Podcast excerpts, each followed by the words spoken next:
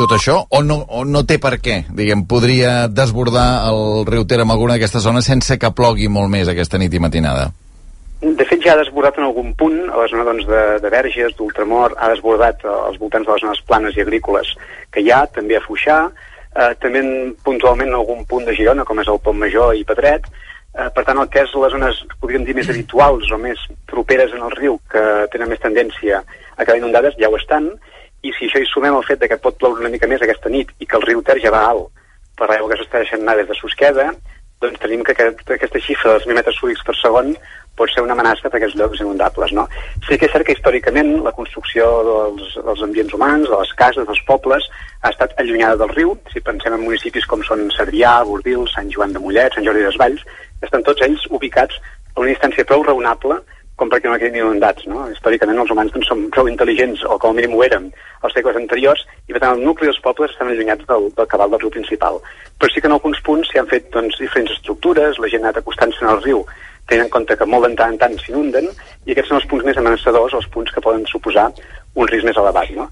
Sí que jo he parlat amb tots els alcaldes del Baix Ter, tots els 30-45, 30-35 alcaldes que hi ha a la part baixa del riu, eh, un per un, i tots estaven al cas d'aquest comunicat. Tots ells han fet gestions doncs, per alertar la població que s'ha d'intentar doncs, ser molt prudent i aquesta nit confinar-se a casa, no acostar-se al riu i també demà al matí, i per tant jo penso que tot això són un seguit de mesures que intentaran evitar la problemàtica que pugui ser major tenint en compte aquest episodi tan excepcional que hem tingut aquestes hores. I què passa amb els pantans ara mateix del sistema del Ter? Ens arriba també d'una informació de la CN que diu que l'aigua del pantà de Susqueda comença sobre així per sobre de la presa, li consta?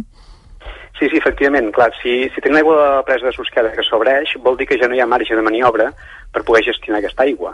Si tenim l'embassament de Susqueda un 50, un 60, un 70%, sempre es pot acumular l'aigua i per tant tenim un marge de maniobra i que només hi hagi aigua en el Baix Ter, que sigui purament l'aigua que cau en els afluents del Baix Ter. No? Un cop tenim Susqueda al 100%, que és el que està passant ara, simplement el que tenim és que tota l'aigua que plou és aigua que baixa pel riu. I per tant en aquest moment l'acció humana de gestió doncs, artificial, podríem dir, d'aquest cabal, ja no hi ha marge de maniobra, ja no hi ha cap opció per gestionar-la, no? I per tant, un cop Susqueda està al 100%, simplement hem d'estar atents al que va plovent i el que aporten aquest conjunt d'afluents que, com comentava ara, doncs el Brugent, el, el Terri, l'Unyà, el Llémena, la Ria d'Usó, etc. No? I per tant, en aquests moments ja estem doncs, a, a disposició de, del que plou. Hem d'estar atents al que està plovent, el que plourà les pròximes hores, i per això doncs, estar molt, molt, molt prudents i no acostar-nos a zones fluvials. A veure, el Caral, meteoròleg de rac Sí, no, anava a apuntar una cosa que, curiosa, no? que la, la, si busques dades de, de l'estat de, de, de l'embassament de Susqueda a la, a, a la pàgina web de l'Agència Catalana de l'Aigua, et diu que està al 101%, és a dir, que realment ja, fins i tot diu que està ja so, sobreixint, el de Sau sembla que estava al 93%, i les precipitacions que de moment no són gaire extens o gaire importants a les comarques de Girona, però com bé apuntava eh, vostè, doncs sí que han d'anar més al llarg de la nit. Ho seguirem. Pons Feliu, moltíssimes gràcies. Molt bé, a vosaltres. Adéu-siau, bona nit. 11 i 3 minuts.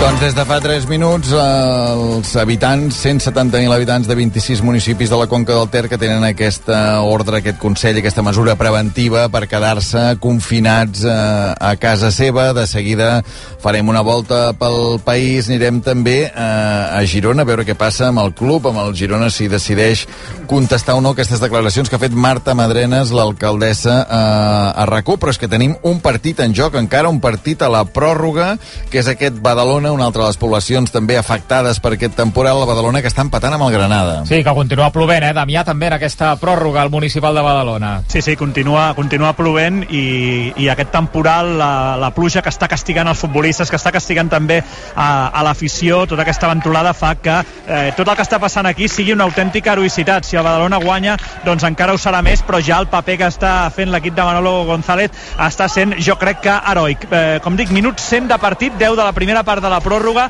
Se li està complicant la història, ho hem de dir, al Badalona, el Granada, que està traient la seva millor versió en tot el que portem de partit. Una centrada és a la dreta de Fulquier, que s'ha passejat sense rematador, i especialment una altra centrada des de l'esquerra de Darwin eh, Machís, que ha rematat Carlos Fernández fora de miracle. Eh, jo crec que de cada 100 rematades, 99 van a dins, i la de Carlos Fernández ha sortit fora. Doncs bé, com dic, el Granada està collant en aquests primers minuts de la pròrroga el Badalona defensant-se ja com pot i la sensació que que em fa és que l'equip de Manolo González, si pogués, signaria ja que arribessin els penals perquè li estan començant a fallar les forces. De fet, hi ha un jugador del Badalona, crec que és Adri Díaz, amb, amb rampa, l'estan havent d'atendre. Eh, evidentment, tota l'aigua que ha caigut sobre la gespa fa que eh, les cames pesin i de quina manera. El fet, però, és que arribem al minut 11, continua plo, eh, plovent i caient molta aigua. De fet, fixeu-vos que amb tot l'ambient que hem tingut aquí, a la gent fins i tot li costa animar ja. Eh, la gent està eh, ja desgastadíssima, però bé, aquí tothom farà un últim esforç per intentar eh, portar i empènyer el Badalona cap, a, cap als vuitens de final. Compte que hi ha un corner ara des de l'esquerra, Àlex i gol. Oh, Àlex i gol acaba de marcar el Granada, ho ha fet Germán, el capità del Granada, ha marcat de cap un gol calcat al que ha fet Robuster però un gol calcadíssim el que ha fet el Badalona al minut 13 de la segona part doncs acaba de marcar-lo ara al Granada la centrada des de l'esquerra eh, en un llançament de corna i s'avança Germán en un salt també imponent, imposant-se a tots els defensors del Badalona. Marca el Granada, 11 de la primera part de la pròrroga, vinga Badalona, vinga que encara hi ha temps, aquí ha d'animar tothom, aquí eh, tot l'equip. Ha d'imposar-se a totes les adversitats, climatologia inclosa, però marca Germán Badalona 1, Granada 2. Pues ara sí que s'animava la gent i donava ànims per intentar encara igualar el partit i anar-se'n als penals, encara minuts de la primera i tota la segona part de la pròrroga. De moment Tenerife i Saragossa, no? Són els dos segones que són al bombo. Eh? Exacte, són els únics eh, que han aconseguit classificar-se en aquests duels entre un equip de categoria inferior i els de primera divisió. Deixeu-me saludar també a aquesta hora l'alcalde de Lloret de Mar, eh, Jaume Dolçat. Senyor Dolçat, bona nit. Molt bona nit. Uh, Lloret ens explicaven abans que hi havia un problema amb l'abastiment d'aigua perquè s'havia trencat una canonada uh, que agafa l'aigua del mar, és això exactament? Sí, és així. Hi ha un problema amb una canonada i també hi ha un problema amb l'abastiment elèctric de, de, la, de la tordera, que és la, qui ens dona aquest abastiment d'aigua. Per tant, eh, s'ajunten aquests dos problemes i de moment doncs, l'aigua la, la, està garantida i la qualitat de l'aigua està garantida però estem treballant o estan treballant intensament doncs, per, fer, per fer efectiu doncs, aquesta, bueno, per poder esmenar aquesta, aquesta reparació. Clar, eh, per tant, de moment el que podem dir a la gent és que l'aigua és potable perfectament, poden consumir Ui. aigua de l'aixeta com han fet qualsevol dia fins ara? Sí, sí, és així, és així. Està, està garantit el que sí que eh, hi ha un problema de potència amb aquesta aigua i el, el, la potència al ser menor doncs eh, es filtra menys i per tant eh, el color és exactament el mateix però és absolutament potable i això ho tenim garantit des d'un punt de vista tècnic. El problema que ens deien abans és que tant a Tossa com a Lloret només es podia garantir aquest subministrament durant 24 hores? Bé, eh, per les darreres informacions que tenim és que eh, no tenim encara terminis, però sembla ser no, no ens han posat termini. El que sí que diuen és que de moment no poden entrar a reparar eh, doncs aquest, aquest problema que tenen a, a la planta de la Tordera, que està situat a Blanes, i per tant, en tant en quant no ho poden reparar, no poden eh, assegurar doncs, que hi hagi aigua doncs, d'una doncs, manera eh, infinita. Per tant, fins que no hi hagi aquesta reparació feta, doncs no, no en serem conscients. De moment ens han assegurat que, la, que tenim aquest subministrament i per tant doncs, eh, estem expectants i vigilants. Pel que fa al llum? La llum està, està garantida a la ciutat, de fet el temporal va a menys, eh, ara mateix ni plou ni, ni hi ha vent, de fet eh, durant el dia d'avui eh, s'ha aixecat aquesta alerta, la Generalitat ha aixecat aquesta alerta del, de, de, de, de, del vent, que és un, un símptoma molt important. Sembla que pot entrar una mica de pluja al, al final d'aquesta nit o la matinada, però en cap cas seria el que venim rebent aquests dos darrers dies. Per tant, en aquest sentit, sembla que el temporal recula, eh, intentem tornar doncs, a poc a poc a la normalitat i el que sí que tenim doncs, són molts de danys materials que lamentar. Per tant, la primera, la façana marítima, tant de Lloret com de la platja de Fanals, doncs, ha quedat malmesa. No tenim danys personals que lamentar i això és el més important, però, com dic, a poc a poc doncs, anem reprenent a aquesta sí, sí. mínima normalitat. Uh, serà moment, diguem, encara no és el moment perquè hi ha moltes emergències per, per cobrir, però clar, quan arribi el moment de fer balanç de danys a Lloret i a tot Catalunya, doncs uh, déu-n'hi-do tot el que ha passat aquests dies. Alcalde de Lloret, Jaume Dolçat, moltíssimes gràcies i bona nit. Gràcies a vosaltres, a disposar. I tenim un tuit d'última hora que acaba de fer el president Quim Torra, d'alguna manera recopilant la informació que ja s'ha donat a la roda de premsa després de la reunió d'emergències. Diu eh, Quim Torra, el temporal Glòria encara s'allargarà entre 15 i 24 hores i pel risc de desbordament hem de prendre mesures excepcionals a alguns municipis de la conca del Ter. Seguiu les instruccions dels serveis d'emergències i de les autoritats locals i adjunta el tuit de Protecció Civil on hi ha els 26 municipis de la conca del Ter on s'ha fet aquestes recomanacions de si viuen en zones inundables allotjar-se i passar la nit a, a una zona que no sigui la primera planta, la planta baixa i en tot cas si no és possible doncs que vagin a, a zones segures i que totes aquestes persones a partir de les 11, és a dir, fa 10 minuts eh, ja havien de quedar confinades a casa seva. Intentarem saludar en els propers minuts el conseller de Territori, Damià Calvet, que és el responsable dels pantans, que és el que explicava precisament tot el que, eh, diguem, l'explicació aquesta tècnica del cabal del riu Ter, també del desembassament que es havia fet a tot aquest sistema de Sau i Susqueda, Susqueda que està sobre Xínia eh, en aquests moments. Abans, però, deixem tornar a Girona. La Maria Costa ens explicava fa més o menys una hora que eh, l'ordre de confinament era a partir de les 11 de la nit, per tant, ara ja fa 11 minuts, que en aquell moment es veia menys gent al carrer, però que hi havia una certa tranquil·litat. Eh, es veu menys gent encara ara, Maria? Sí, ara ja hi ha pràcticament molt poca gent. El que sí que veiem eh, persones que tímid, tímidament eh, se'n van a casa. Alguns dels espais al voltant del, dels rius, com poden ser les places, per exemple, la plaça de la Independència, encara hi ha gent, això sí, molt poca, prenent alguna cosa a les terrasses o dins dels establiments, però la imatge és aquesta, molta gent eh, caminant a peu cap a casa seu de forma, eh, això, eh, un, més o menys eh, ràpida. Fa uns moments hem vist també eh, dos propietaris que estaven acabant d'ultimar els detalls per, per, per preparar l'establiment, l'accés de l'establiment per una possible eh, riuada de cara, de cara demà, però tornem a dir, eh, ambient molt tranquil i hi ha pràcticament eh, moltíssima gent eh, a casa seva. Clar, també és possible que aquestes persones, aquestes poques persones que queden eh, potser prenent alguna cosa, no se n'hagin assabentat, no? Que, que hi ha aquesta recomanació, perquè de fet és una recomanació, eh, que la gent a partir de les 11 es quedi confinada a casa seva en aquests 26 municipis. És a dir, no s'ha sentit absolutament res, tu que estàs aquí, eh, cap missatge eh, d'àudio que, que ells ho puguin saber, a no sé que hagin mirat doncs, les xarxes socials. Sí que, per exemple, hem pogut parlar amb algunes eh, persones, per exemple, persones eh, joves que han rebut un correu electrònic en què se'ls explicava eh, eh, precisament aquest confinament de tots els municipis de la conca del, del Ter. Però la sensació és d'una certa sensació de tranquil·litat, sobretot perquè eh, és el que apuntaven sobretot a les autoritats d'aquesta tarda. El cabal ara mateix a l'Unyà és molt baix, llavors no hi ha aquesta eh, sensació de perillositat.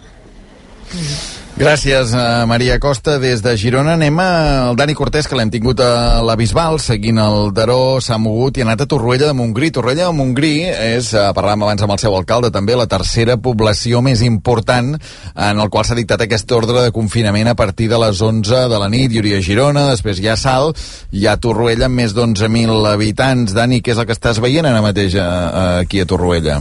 Doncs un riu molt ample, molt ample, eh, un riu Ter que passa per l'entrada del municipi, això ho estic veient des del pont de l'entrada de Torroella, on durant l'estiu sabeu que es generen cues eh, de trànsit llarguíssimes, doncs ara eh, poca gent, sí que hi passa algun cotxe, i hi ha curiosos que s'acosten fins al eh, pont a veure com està el riu, eh, sense fer cas d'aquest ordre de confinament que ha entrat en vigor fa més de 10 minuts. Eh, el riu, com com dèiem, molt ample i ja eh, supera o ja passa una mica del seu, del, del seu tram, del seu recorregut. Eh, L'aigua s'endinsa en alguns punts del voltant del eh, recorregut del riu que estarien ara mateix al mateix nivell eh, que l'aigua del Ter.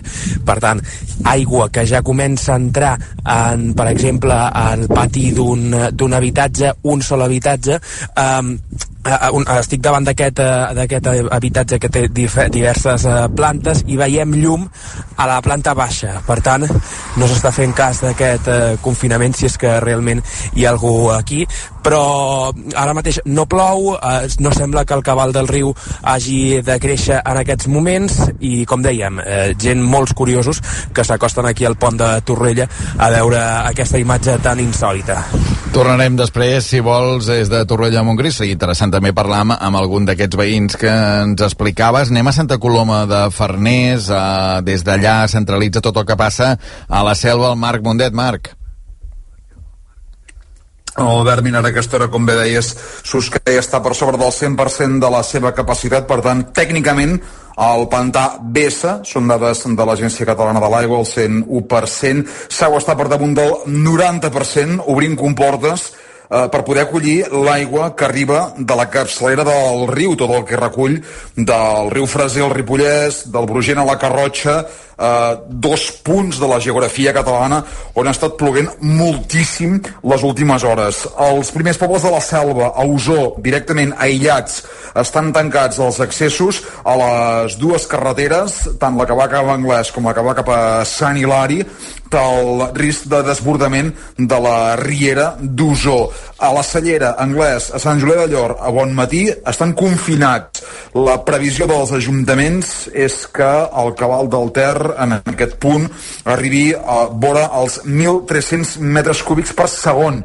Et diré que ara mateix plou a la, la zona i que aquí, a diferència del que passa tant a Girona com a Torroella de Montgrí, la sensació és de neguit, perquè eh, realment mm, els primers pobles, la, tant, sobretot Osó, la Cellera, Anglès, que serien els que són més, bastant més a prop del, del pantà de Susqueda eh, es miren amb, amb, amb certa recança o amb molta recança el que pugui passar i més tenint en compte el que hem vist aquest matí i és com el riu Ter havia desbordat a la carretera C63 entre Anglès i la Cellera eh, quan encara el pantà de Susqueda no estava ni molt menys al 100% de la seva capacitat.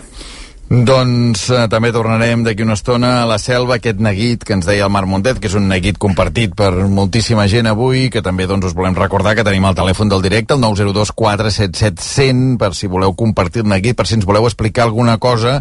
Intentem eh, fer una radiografia, fer una fotografia eh, molt àmplia de tot el territori català, de les zones on estan més afectades, però si voleu ajudar-nos a completar, ja ho sabeu, 902 477 100 o també les xarxes del programa, eh, evidentment obertes a vosaltres. Abel Caral, eh, on està plovent ara mateix i on està previst que plogui les properes hores amb més intensitat? Mira, de manera dispersa tenim ara precipitacions escampades per pràcticament eh, tot el país. Hi ha alguns sectors del nord de les de Lleida on, on pràcticament no hi plou o no hi neva, en el cas de l'àrea pirinenca, però sí que tenim pluges de manera dispersa a gran part de Catalunya, a, a la majoria de, de comarques.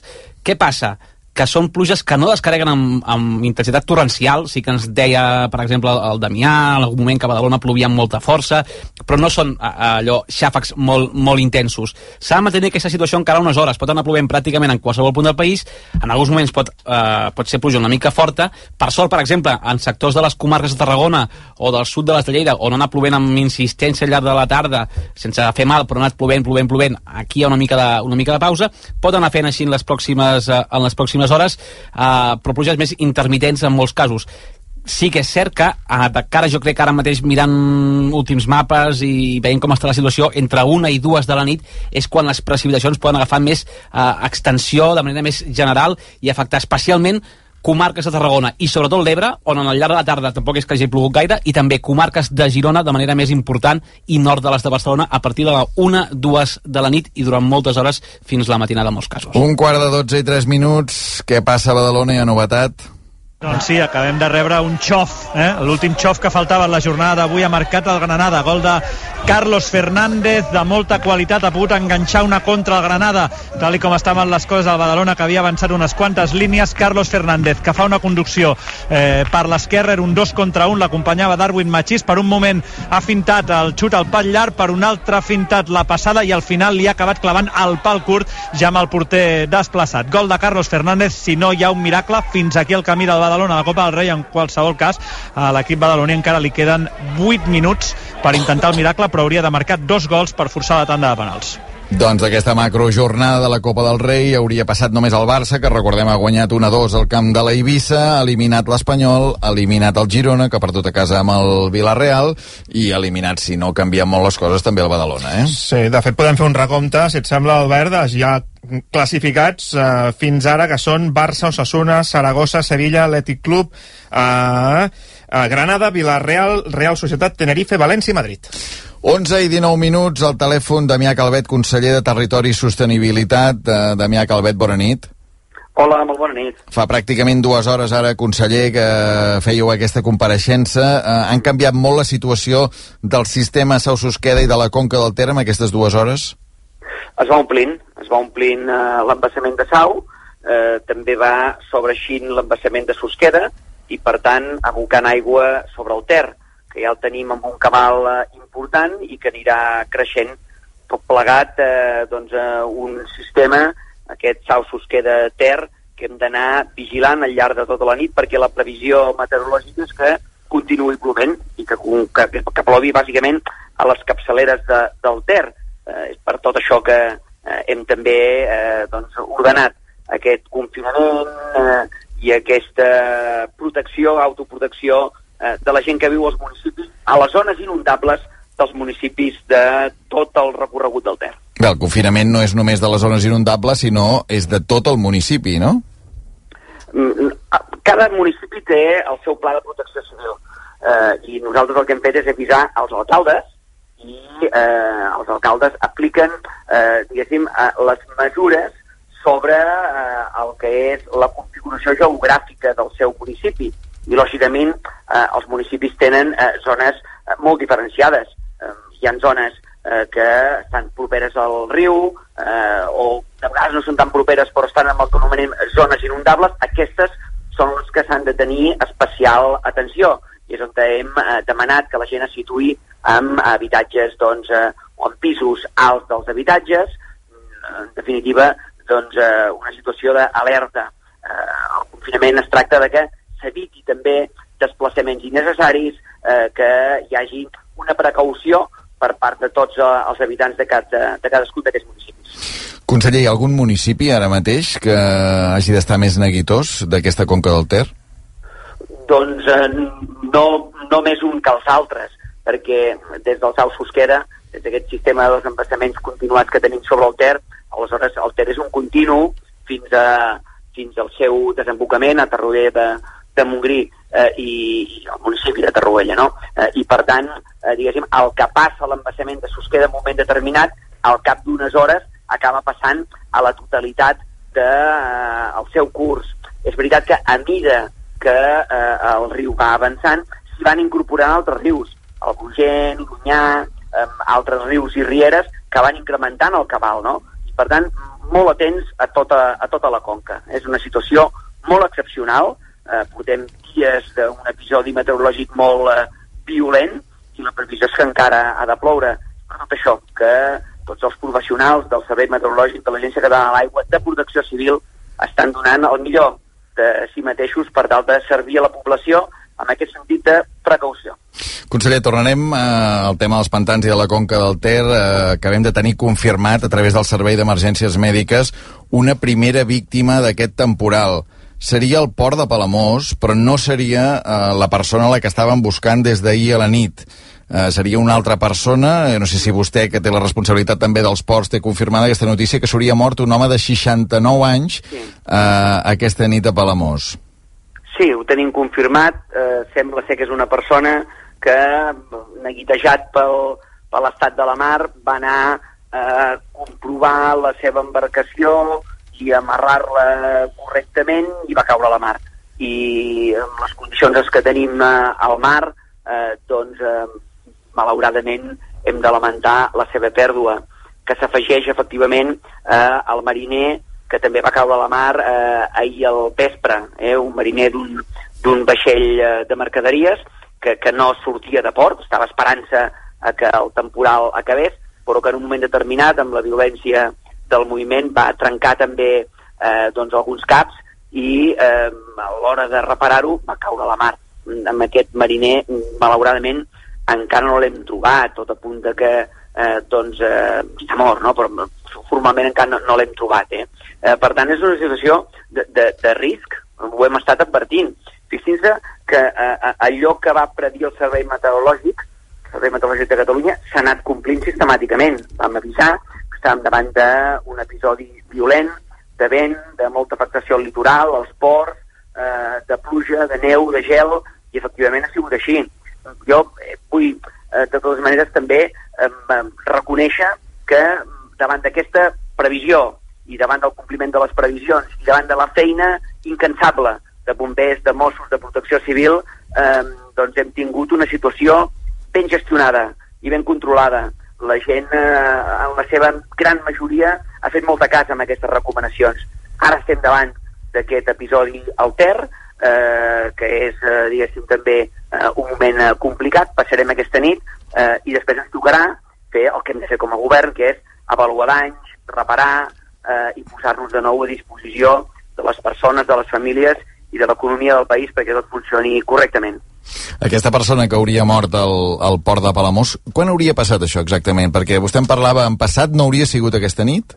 Ha sigut aquesta tarda vespre, sí. Uh -huh. que, si em permet, cada minut em sembla sí. molta estona a mi, eh? I per tant, sé que avui, a la tarda vespre, quan estàvem, de fet, al CECAT, eh, avaluant la situació del Ter, eh, se m'ha informat d'aquesta situació. Mm.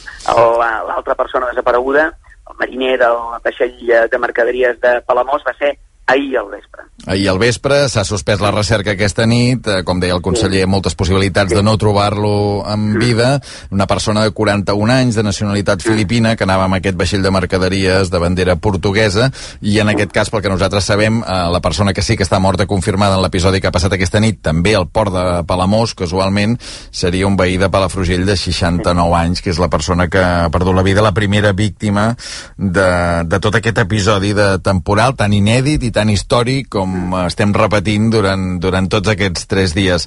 Una última pregunta, precisament per aquesta, eh, per aquesta cosa que tots els meteoròlegs eh, anunciaven que seria un episodi històric, un episodi inèdit.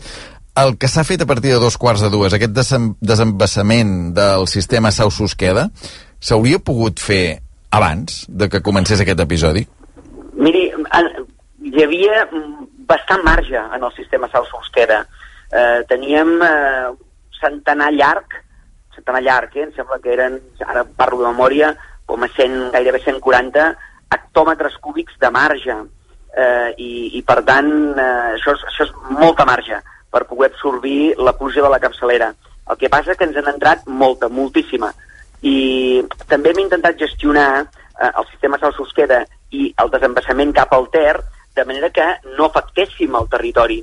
Pensi que quan el Ter va ple, a banda d'afectar els municipis del Ter, eh, també afecta els municipis, diguéssim, que estan a la mateixa conca, però que tenen afluents que van al Ter. Per exemple, l'Unyà. L'Unyà, abans ho deien vostès en, la seva, en el seu repàs sí. de notícies, ara està baixant baix. Uh -huh. Ara mhm. està a menys de, o sobre els 100 metres cúbics per segon. Però l'Unyà desemboca el Ter. Si el Ter va molt ple i l'Unyà no desemboca bé, aleshores el que passa és que inclús eh, diguéssim, es produeix un refluxe de l'Unyà cap amunt que fa que entrem en cabals eh, més eh, llargs. No? Per tant, només hem desembassat quan estàvem a l'hora vall. Quan hem vist que el Ter, l'Unyà, tenien un cabal baix, aleshores hem començat a desembassar per fer més lloc. Mm, bé, ha tornat a començar a ploure i tot plegat ho hem hagut de gestionar allò minut a minut. Però la realitat és que eh, tenim el sistema molt monitoritzat, eh, tenim un sistema que té inclús uns automatismes que eh, ens han permès gestionar-ho mm, eh, correctament fins al moment en què ja hem hagut de, constatant eh, la meteo que ve, la meteorologia que ve i el, eh, el, el marge que ens quedava en el cel queda, doncs haver de decretar aquest estat de protecció civil, de confinament, etc, eh, que ens tindrà tota la nit en guàrdia, però que esperem que sigui a fi de bé, que no passi res i que demà eh, ho puguem explicar eh, i continuar gestionant correctament. Ho esperem, conseller. Moltíssimes gràcies. Moltes gràcies a vosaltres.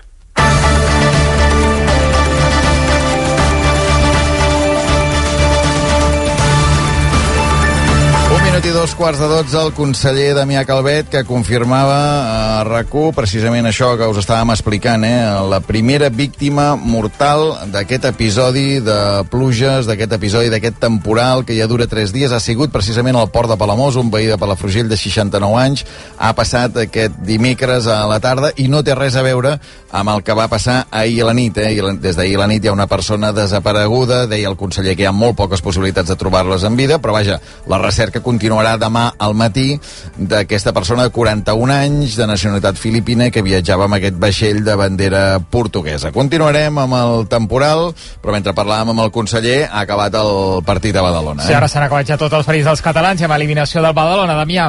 Sí, i no ha pogut ser, ha perdut el Badalona 1 a 3, recordem, després d'haver-se arribat al final dels 90 minuts amb empat a 1, el Granada ha fet dos gols que fan que eh, el camí del Badalona en aquesta Copa del Rei s'acabi aquí, el Granada passa a vuitens de final. En aquests moments els jugadors del Badalona estan fent una, una volta olímpica, podem dir, eh, saludant a tots els aficionats eh, perquè bé, els jugadors del Badalona es mereixen una, una ovació, però també tots els aficionats que han vingut aquí i han aguantat tota l'adversitat eh, climatològica. Eh, com deia, el Badalona, eh, que la segona part jo crec que s'ha ensorrat una miqueta, ja no ha pogut aguantar el pes del que significa jugar contra un equip eh, com a Granada a primera divisió, però que amb empat a un i en l'últim tram de partit jo crec que ha tingut el seu moment, ha tingut la seva oportunitat, eh, li ha passat per davant i a la pròrroga doncs, ja, ja no ha pogut. Per tant, 1 a 3, el Badalona ara centrar-se en el que realment li toca, en el que realment li interessa, que és salvar la categoria al grup tercer de segona divisió B.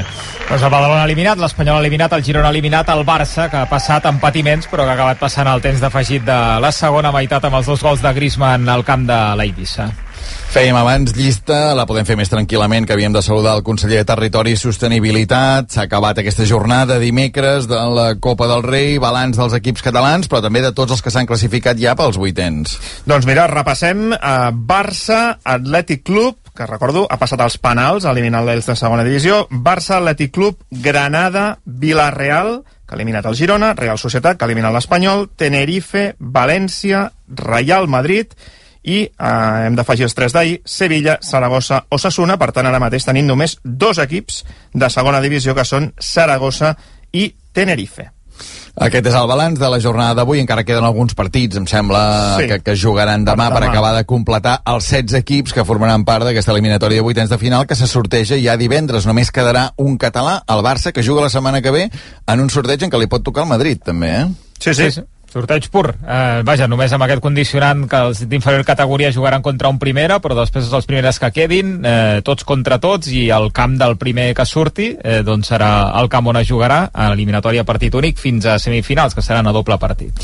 Dèiem que avui estem fent aquest especial que hem començat a les 6 de la tarda, ja fa pràcticament 5 hores i mitja, eh, a rac futbol, i seguint, evidentment, el temporal. Hi ha hagut una cosa, diguem que ha unit eh, tant el futbol com el temporal, que han sigut les paraules de l'alcaldessa de Girona, Marta Madrenes, que ens deia fa una estona que ella, l'Ajuntament, havia demanat al Girona que aquest partit si s'havia de jugar, es jugués a porta tancada i que el Girona eh, no havia fet cas de les indicacions de l'Ajuntament. Fins i tot li preguntàvem si manava més al club que no pas eh, l'Ajuntament en qüestions de seguretat i d'ordre públic i eh, l'alcaldessa deia que no volia remenar-ho més però que evidentment la posició de l'Ajuntament era que aquest partit es havia d'haver jugat a porta tancada perquè clar, s'ha acabat el partit que eren pràcticament els vols de les 11 i a les 11 ja s'havia dictat aquest ordre de confinament pels 100.000 veïns de la ciutat. No sé Miquel Agut si tenim la versió del club també, si han dit alguna cosa Sí, sí que tenim aquesta versió. No hi podrem posar veu, Albert, perquè no hi ha cap figura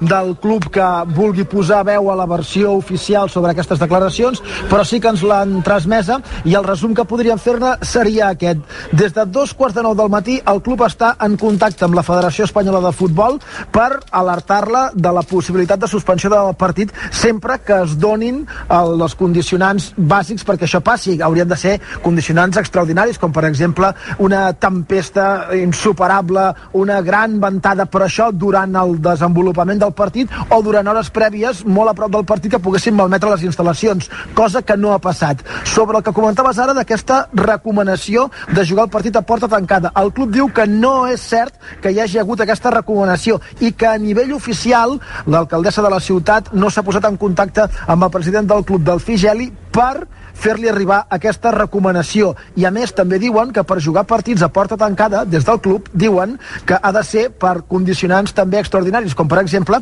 que s'arrossegui una sanció que provoqui que l'estadi hagi d'estar tancat per normativa. A més a més, el club, per evitar que hi hagués una presència massiva, tampoc no hi hauria estat perquè el ritme de venda d'entrades era molt baix, però per impedir que hi hagués una presència massiva d'aficionats i que això pogués causar algun problema i en cas de més tempestes pogués aguditzar la situació, aquesta tarda cap a les 6 ha fet un tuit en què eh, recomanava que se seguissin totes les recomanacions d'emergències i que no passava res, per dir-ho així, que qui no vingués se li tornarien els diners de l'entrada que havia pagat. Per tant, no incentivava la presència massiva aquí a l'estadi. Pel que fa a la seguretat privada, pel que fa a la presència de policies locals, ens expliquen que el dispositiu és el de sempre, que s'encarreguen de la seguretat, que ha estat sempre garantida pels espectadors avui aquí a l'estadi des de les fonts del club ens diuen això, la seguretat privada i els Mossos d'Esquadra, que hi havia tants efectius que donaven suport a, a aquest grup de Mossos més eh, seguretat privada de policia local com en qualsevol altre partit, ni més ni menys, i que pot ser que si hi ha hagut més incidències a la ciutat, en d'altres parts de la ciutat, durant la nit, aquests efectius de la policia local, si no tots, uns quants, hagin marxat a atendre d'altres obligacions que tinguessin a la ciutat. I acabo, ahir va fer un tuit l'Ajuntament de Girona en el qual explicava que totes les instal·lacions esportives de la ciutat, totes les que fossin de titularitat municipal, quedaven tancades a pany i forrellat. Què passa amb Montilivi? Que ara mateix és propietat del Girona, perquè té una concessió de l'Ajuntament per 50 anys. Així doncs, ara la titularitat de la instal·lació recau en el Girona. I el Girona, i aquí per acabar de tancar el cercle, tornem a aquells condicionants extraordinaris que hauríem d'obligar a ajornar un partit, com que no s'han produït perquè la pluja ha caigut amb insistència però no ha entorpit el desenvolupament del partit ni ha posat en risc l'estat de seguretat de jugadors i aficionats doncs llavors no podia en cap cas oposar-se a la disputa del partit. En resum, aquesta és la versió del club sobre les declaracions de Marta Madrenes a RAC1. Doncs eh, ahir, per exemple, que jugava un Girona, ara no recordar el rival de la Lliga de l'Hockey Lliga, que juga en un pavelló municipal, pavelló de Palau, aquest partit es va suspendre. Eh, no, es va acabar, no es va acabar jugant, com d'altres partits de l'Hockey Lliga, però aquest que jugava a la ciutat de Girona, per exemple, sí que es va, es va suspendre i no es va jugar, però vaja, les versions queda clar que són contradictòries, les de l'alcaldessa sí, sí. amb les del Girona No, i aquesta...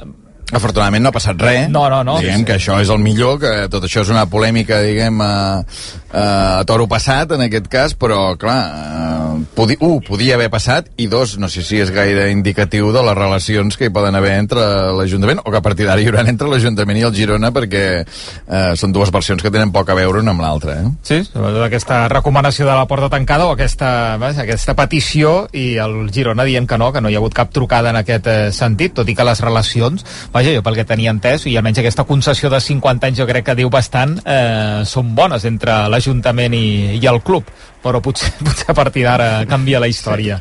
Veurem a veure què També, a, a, a, a mi em crida l'atenció això de la recomanació que diuen que des del club que no, que no és eh, veritat i d'a- d'altra banda eh, jo entenc també que hi ha un component eh, polític en aquest cas que si vols tenir totes les instal·lacions tancades també intentes que estigui Montilivi tancat però que el Girona tampoc està una mica lligat de mans i peus perquè no ho organitza ell això s'exposa una sanció important si s'ajorna un partit o no vol jugar-lo quan no hi ha Sí, sí. uns condicionants tan clars sobre el terreny avui que impedeixin la disputa del partit no és fàcil No, el que està clar és això, que aquest és un país en què es pot anul·lar tot, menys el futbol.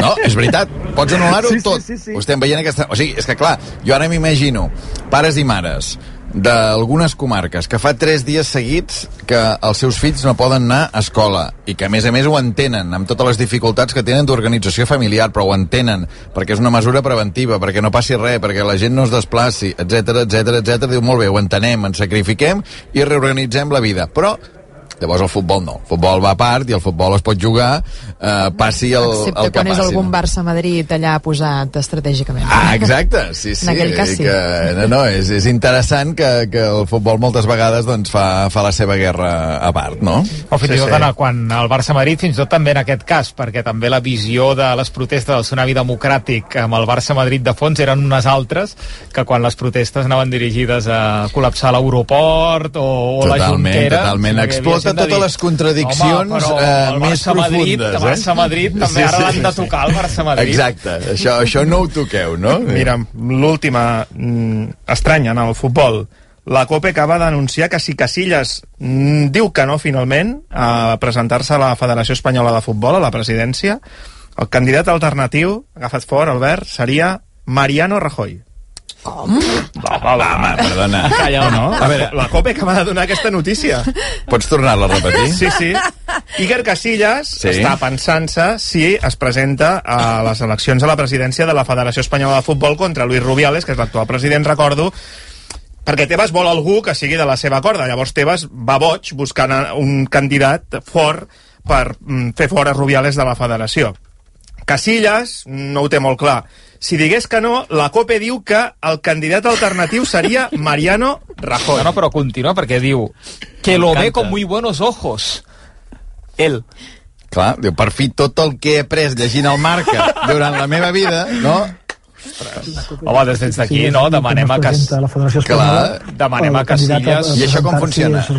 Demanem a Casillas que sigui que no, que digui que no, no? Demanem des d'aquí que, Era, que era el Miquel Agut que ho estava explicant algú de, estava del seu assimilant. Ah, sí, sí. perfecte, perfecte. No, no, em pensava que era el Miquel Agut explicant és la federación el que escoge el presidente o és el presidente el que escoge... Iker Hosti. di que sí per això, eh? Iker di que sí. No, perdona, Ai, no, no, no, no, exacte, Iker di Iker que di no. que no. Sí, Sí, que no, I di que que no. no. Sisplau. Que dir que no. Hòstia, busqueu l'Armenteres a veure si els mentideros de Madrid ja s'està explicant això, perquè, clar, eh, hosti, Oh, no. tot, quin, quin gir de guió que, que no me l'esperava ara. És a dir, Mariano Rajoy, possible candidat a president de la Federació Espanyola. De futbol, sí, sí, sí. sí. Veus com el futbol és diferent? És un altre exemple de portes giratòries. Vull dir, fins ara no l'havíem vist, aquestes portes giratòries, eh, era d'un altre tipus. Fem una pausa, païm això i, Sisplau, sí. i continuem. RAC 1 Viure el futbol com ho fas tu ens fa diferents. Per això, amb Family Football i la targeta Visa Contactless del teu equip, podràs participar en promocions exclusives.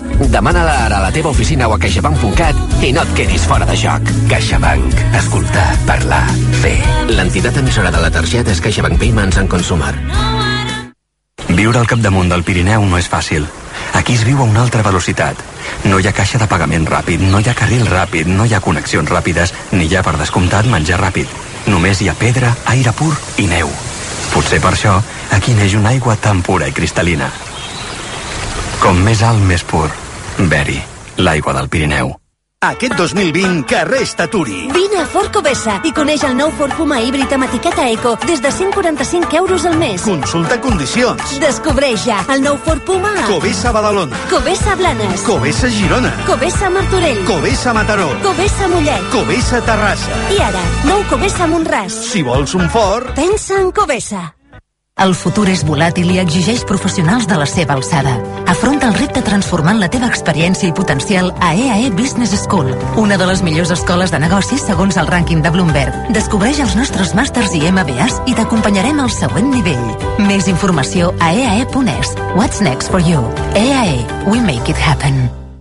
Treu-te de sobre els excessos de les festes amb Naturhaus. Amb el pack express de Naturhaus aconseguiràs resultats espectaculars en només dos dies, gràcies al control del nivell calòric i nutricional que porten a terme els nostres assessors. Troba el teu centre a naturhaus.es o al 902 15 14 14.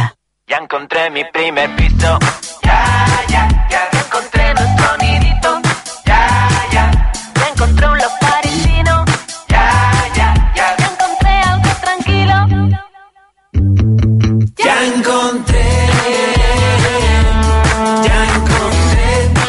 encontré. Yaencontré.com, el portal immobiliari on trobes tot el que busques. Ja encontré la teva casa ja. Ja ha arribat el moment de vestir casa teva amb teixits i dissenys de qualitat. Arriba Blancolor. Ara fins al 50% de descompte en roba de llit, decoració, taula i bany. I més descomptes en descans i mobles per l'habitació.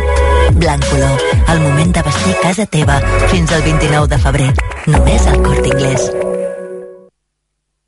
Ja són aquí les rebaixes de Ryanair. Gaudeix de fins a un 20% de descompte a un milió de seients. A les millors ciutats europees, destinacions de sol i platja i estacions d'esquí. Reserva avui la teva propera escapada a Ryanair.com. Vola amb l'aerolínia d'Europa amb les emissions més baixes i les tarifes més baixes. Disponibilitat limitada. Visita Ryanair.com. Si sempre recordem el més bàsic que aprenem de petits, per què no ens ensenyen a cuidar el més bàsic que tenim? És a dir, el nostre planeta. Reduir, reutilitzar i reciclar és fonamental. I Signus recicla els pneumàtics fora d'ús per preservar els recursos naturals. Signus, educar en el que és bàsic, educar per preservar. Segueix-nos a les xarxes socials o a signus.es. Converteix-te amb l'avantguàrdia en un autèntic foodie. Subscriu-t'hi ara per només 39 euros al mes i emporta't dues cassoles foodie de la reconeguda marca Bra de regal, valorades en 106 euros. Truca ara al 933 481 482 i gaudeix de l'avantguàrdia cada dia i de les dues excepcionals cassoles Bra. Cuina amb l'avantguàrdia. Cuina amb Bra. Bona nit. En el sorteig del cupó diari celebrat avui, el número premiat ha estat 54.501 54501 i també el número de sèrie de la paga premiat amb 3.000 euros al mes durant 25 anys ha estat 12. Demà, com cada dia, hi haurà un venedor molt a prop teu repartint il·lusió. Bona nit. I recorda que amb els sortejos de l'11, la il·lusió es compleix. RAC 1. 21 de gener del 2020. Mònica Usero. Continua el temporal de vent i de mar. Hi ha problemes de mobilitat per carretera i amb transport públic. Girona. Les cabals dels rius Unyà i Daró tenen risc de desbordament. Sergio Delgado, sotsdirector de Protecció Civil. Portem més de 4.400 trucades d'emergències. Reoberta la P7 entre Figueres i la Jonquera en sentit nord per a tots els vehicles. El temporal està castigant amb força el delta de l'Ebre i tota la franja litoral. Patint un dels temporals sense precedents, el que seria els arrossars, d'unes 3.000 hectàrees, està totalment engolida pel mar. El Daró baixa pràcticament al límit. Departament d'Interior. No mobilitat interurbana en les comarques d'Alt i Baix Deltebre. Temporal d'altíssimes magnituds, sobre una base d'inacció de molts anys, estem estudiant la possibilitat de demanar que es declari com a zona catastròfica. Imatges d'entès que... La font de petroli trencat, que ha quedat Que dividit. els nens ens informen. Castelldefels inundats sense llum des de fa més de 24 hores i la companyia ens menteix. Jo penso que ens mereixem un tacte millor. A Lliçà de Vall hi ha zones que estem sense aigua de l'aixeta des d'ahir al vespre. Tinc un fill que està treballant a Tordera. No poden sortir. Déu, nanos, per favor. Estic desesperada. Els ajuntaments, evidentment, posem moltes ganes, però no tenim els mitjans suficients. Hem tingut moltíssimes afectacions estructurals,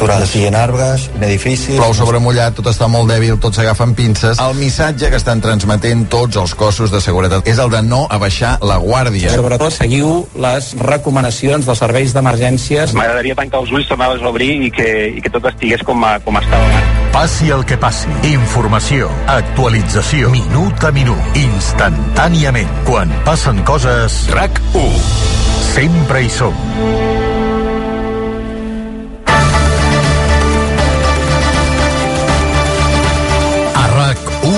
Especial informatiu, amb Albert Ong.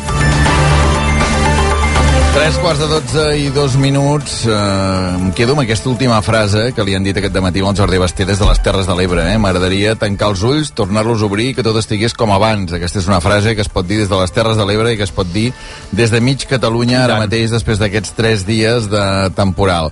Coses que sabem, hores d'ara, que pràcticament portem 6 hores de programa especial, seguint les eliminatòries de la Copa del Rei, ara han acabat totes, i seguint també els efectes d'aquest temporal. Doncs hem confirmat que ja hi ha la primera persona morta en aquest temporal. Un veí de 69 anys, de Palafrugell, ha passat aquesta tarda vespre al port de Palamós, eh, caigut al, al mar, i eh, per tant aquesta és la primera víctima confirmada però és que en el mateix port de Palamós ahir va desaparèixer una altra persona en aquest cas de nacionalitat filipina 41 anys que viatjava amb un vaixell de bandera portuguesa. Se l'està buscant, s'ha suspès aquesta recerca durant la nit, demà s'hi tornarà. Ens deia el conseller Calvet que el més probable és que eh, quan aparegui el seu cos ja aparegui el cos sense vida, per tant estaríem parlant d'una persona morta, una persona desapareguda. Això per una banda. De l'altra banda, des de les 11 de la nit hi ha aquest ordre de confinament a 26 municipis de la Conca del Ter que afecta 170.000 persones, entre elles, eh, o la població més destacada és Girona, però hi ha Salt, també hi ha Torroella de Montgrí, molts pobles amb aquest ordre de confinament per veure què passa finalment amb la Conca del Ter. També eh, hi ha hagut moltes persones que han hagut de ser mm, reallotjades, eh, que han estat eh, traslladades de casa seva pràcticament, eh, fèiem una llista provisional, passàvem de les 600 persones a Tordera 170, Hostalric 40, Massanes 320, a Sant Pere Pescador, també Santa Maria de Palau Tordera i parlàvem abans eh, a Verges. Això eh, pel que fa a persones re reallotjades. També molts municipis que estan obrint ara instal·lacions públiques perquè tothom hi pugui anar. Moltíssimes afectacions amb carreteres secundàries, pràcticament 70 vies que a hores d'ara o ha desaparegut part de la carretera, o hi ha caigut arbres, o hi han caigut pedres, i que algunes d'elles potser trigaran temps, les que hi ha hagut aquest esfondrament de pràcticament un dels dos carrils d'aquestes carreteres secundàries, que potser tardaran temps a tornar a ser utilitzables. Pel que fa al tren, entre Blanes i Malgrat, ens ho confirmava a primera hora també Antonio Carmona, el portaveu de Renfe, entre 6 i 9 mesos sense servei de tren ha caigut un pont, s'hauran de fer obres i mentrestant el servei es cobrirà per carretera. El principal temor a hores d'ara, doncs, el possible desbordament de rius, de rieres, què passa amb aquesta conca del Ter, amb aquest sistema Sau-Susqueda, amb el Susqueda que comença eh, sobre així, problemes de serveis també de, de eh, persones que no tenen llum a diferents punts de Catalunya, de subministraments, en fi, eh, és, és una llista molt llarga d'incidències, encara no és el moment de repassar, no és el moment de repassar-les totes, però sí que n'hi ha moltes. 10 minuts i les 12, podem saludar ara mateix el conseller d'Interior, que està al peu del canó des del primer moment, eh, senyor Miquel Buch, bona nit. Hola, bona nit. Quin és el missatge a hores d'ara que es pot traslladar a la ciutadania, sobretot a la que viu en aquestes poblacions en les quals vostè a partir de les 11 han dictat aquest ordre de confinament? Bé, el, el missatge és de que davant les dades que tenim sobre la taula per part del Servei Meteorològic de Catalunya i per l'Agència Catalana de l'Aigua és que ens podem trobar en un escenari d'un possible desbordament i per tant doncs, unes possibles inundacions i que d'una forma preventiva i perquè preferim trobar-nos en un escenari en el qual preferim actuar ara que no pas actuar de matinada, perquè podíem tenir un creixement sobtat del riu al llarg de la matinada, preferim actuar ara preventivament i ja demanar a la gent això, que pugi a les plantes altes, que no sigui les plantes baixes, i en el cas que sigui impossible aquesta opció, doncs que es posi en contacte amb l'Ajuntament per buscar llocs en els quals doncs, tenim la garantia que no hi haurà inundabilitat. La gent que ens estigui escoltant d'aquesta llista de 26 municipis de la Conca del Ter, insistir, això uh, ho heu explicat a un quart de deu, però insistir pràcticament a les 12 de la nit, que la gent es quedi a casa, eh? Amer, Anglès, Bescanó, Bordil, Salrà, Cervià, Colomers, Fuixà, Flaçà, Girona, Gualta, Jafre, Osó, Salt, Sant Gregori, Sant Joan de Mollet, Sant Jordi d'Esvall, Sant Julià de Rami, Sant Julià del Llori, Bonmatí, Sarrià de Ter, Torroella, Montgrí, Ullà, Ultramort, Verges i la Cellera de Ter i Tallada d'Empordà, que la gent es quedi a casa, que no surtin, eh? Sí, exacte. Uh, I de la mateixa manera que avui som dimecres, però dilluns i dimarts uh, vam recomanar el, evitar la mobilitat interurbana, avui també recomanem evitar la mobilitat urbana. Ara mateix, per entendre'ns, eh, el que no ens interessa és que davant d'un possible eh, desbordament del riu trobant-se ciutadans, vehicles circulant pels carrers quan haurien de deixar doncs, tota la llibertat i la disponibilitat als vehicles d'emergències. En un altre de, de coses, conseller, hem hagut de lamentar avui, ho hem conegut fa encara no una hora, ens ho confirmava també el conseller de Territori, Damià Calvet, eh, la primera mort al port de Palamós. Sí, malauradament eh, hi ha hagut eh, aquest episodi amb aquesta víctima mortal i, de fet, en, bueno, en qualsevol cas hem, hem de lamentar que hagi succeït eh, aquest fet. Això ha passat al port de Palamós, també hi ha una altra persona desapareguda. Li consta alguna altra persona desapareguda a Catalunya ara mateix? No, ara mateix no. No tenim cap eh, informació en, en aquesta línia. La Conca del Ter, aquesta víctima mortal, què més li preocupa d'aquesta nit matinada? Bé, hem de pensar de que on tenim l'alerta més, més, més marcada és eh, a la Conca del Ter, però tenim el creixement de rius, fruit, i ho hem explicat de, des del principi, estem davant d'un fenomen excepcional, extraordinari, en el qual doncs, portem des del diumenge a la tarda patint, patint ventades fortes, patint eh, pluja intensa, inclús episodis de neu, onatge fort, eh, per tant, és l'acumulació, és el cansament de les infraestructures, de l'arbrat, de qualsevol element que puguem tenir a les vies urbanes. De fet, Conti ho si ho poden anar seguint al llarg del dia, doncs anem actualitzant eh, carreteres tallades que estem recuperant tan, tan ràpid com és possible. El mateix passa amb ferrocarrils, el mateix passa també amb, la, amb el fluid elèctric, amb la connexió elèctrica. Per tant, són molts episodis que ens estan passant simultàniament fruit d'aquest temporal excepcional i, per tant, doncs, eh, preocupa el Ter? Eh, sí, preocupa i molt, però també preocupen altres rius. Aquest matí hem estat treballant intensament a la Tordera, a la Conca de la Tordera, no podem donar per tancat. També al Baix Llobregat hem fet recomanacions de no travessar lleres ni, ni anar a les proximitats de les rieres. Tenim un fenomen de, de pluja intensa prevista per aquesta nit, en el qual, doncs bé, són molts elements que estan sobre la taula que poden generar algun que altre perill i el que hem de fer és demanar a la ciutadania que segueixi totes les recomanacions que estem fent des de, des d'emergències de la Generalitat. Fèiem llista també abans de persones desallotjades a diferents punts del país, a Massanes, a Tordera, a Hostalric, Sant Pere Pescador, comptàvem unes, més o menys unes 600 persones pel que nosaltres sabíem, no sé si és la dada amb la que també treballa el Departament d'Interior. Sí, la, la xifra no li puc detallar ara mateix, però estem a l'entorn d'aquests números, no? Per què? Doncs perquè, repeteixo, d'una forma preventiva, alguns amb, amb, amb afectació, afectació major, d'altres amb afectació més menor, però sí d'una forma preventiva doncs val la pena no córrer cap risc i per tant doncs es treballa en aquesta línia i tenim eh, bombers, tenim Mossos d'Esquadra, tenim eh, protecció civil, amb el SEM, tenim agents rurals, tenim la Creu Roja, tenim un munt de gent que està treballant, vetllant per la nostra seguretat i el que hem de fer doncs, és seguir les seves recomanacions perquè ells realment eh, ja sigui amb les inclemències del temps o sigui des de les sales de comandament, sigui des d'on sigui, estan treballant des del primer dia per, per evitar que aquest fenomen generi molèsties, generi víctimes, generi causi o que causi qualsevol um, malestar en el qual doncs, doncs no, no voldríem pas que passés. Per tant, confiar en aquest sistema d'emergències públiques que té aquest país, amb el sistema de seguretat pública que té aquest país, i també agrair i ho vull aprofitar també els mitjans de comunicació que esteu fent una gran feina i això demostra que vostè estigui encara en antena a aquesta hora en un dia normal de cada dia doncs ja és un fet extraordinari no? per tant els mitjans de comunicació també us heu volcat a ajudar a transmetre aquests avisos per tant agrair a tots els professionals que estem treballant o esteu treballant a l'entorn d'aquest episodi que estem vivint aquí a Catalunya Conseller deia això, que hi ha molts episodis simultanis a diversos punts del país. Arribarà un moment, esperem que sigui demà, com més d'hora millor, que no passi res durant aquesta matinada. Arribarà un moment, deia, de fer balanç de danys. I, i llavors farà faradat, també. Sí, segurament, però aquest ja és un capítol que, si em permet, ja no el tractarà amb mi.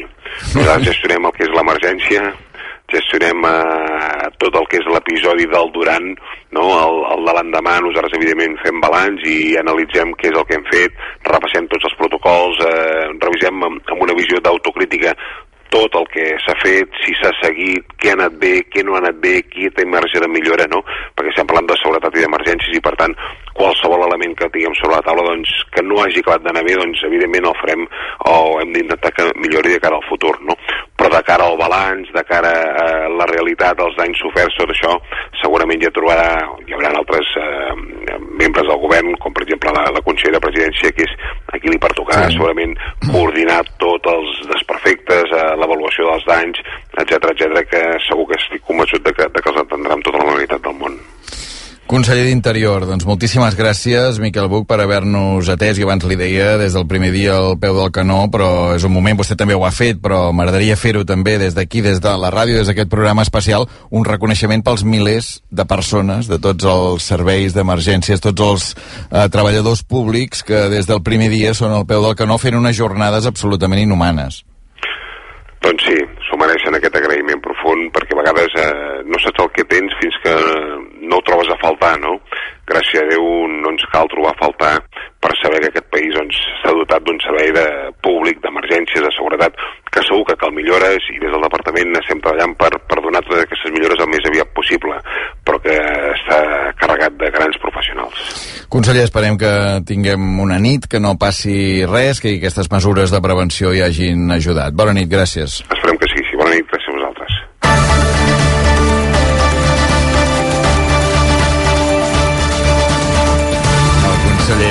d'Interior, que se li notava a Miquel Buch, eh, aquesta veu de, de, de cansat de tantes Cansat, hores, de tants dies, Clar, és que des de diumenge a la dies. tarda. Eh? Ah. Sí, sí. I a més a més amb reunions constant i viatjant arreu del territori a... i pendent, pendent de moltes coses també perquè no és allò que dius, bé, és que, és que, és, és que hi ha un temporal de mar o, o inundacions no? és que és, és mar, és vent és, són inundacions, rius que creixen moltes coses a, a tenir en compte Per cert, eh, recordem això, eh, que parlàvem amb el conseller, aquesta víctima mortal al port de Palamós, la primera confirmada, ens ho deia el conseller de Territori, Damià Calvet, després també confirmat pel propi conseller d'Interior. Veurem a veure què és el que, el que passarà eh, aquesta nit. De seguida a les 12 saludo també el Roger Saperes. Abans deixeu-me anar al, al Dani Cortés, que ara no sé, on, el tenim exactament a on, perquè se, es va movent, abans el teníem a Torroella i ara el tenim res, allà al costat el tenim a, a Ullà. Què està passant a Ullà ara mateix, que és una de les poblacions afectades per aquest confinament, Dani Cortés? Sí, exacte. Des de fa una hora que no hi hauria d'haver gent pel carrer, però això no és així uh, abans, però uh, uh, el riu aquí sembla que ja ha començat a desbordar-se, però ara em deien els veïns que aquí no hi ha gaire perill, però sí que l'aigua arriba, per exemple, a un aparcament uh, proper. Uh, parlem amb diversos veïns, perquè ja, i fins fa un moment hi havia una desena de persones aquí mateix, a prop del, del punt on, on hi ha on arriba l'aigua, ara han marxat alguns, però encara queden uns 6 o 7 eh, veïns, per exemple, tenim aquí un d'ells. Eh, bon, bona nit. Bona nit. Com es diu? Severo Giral. No fan gaire cas, no?, del confinament. No, deien que no hi ha gaire perill aquí. A nosaltres el que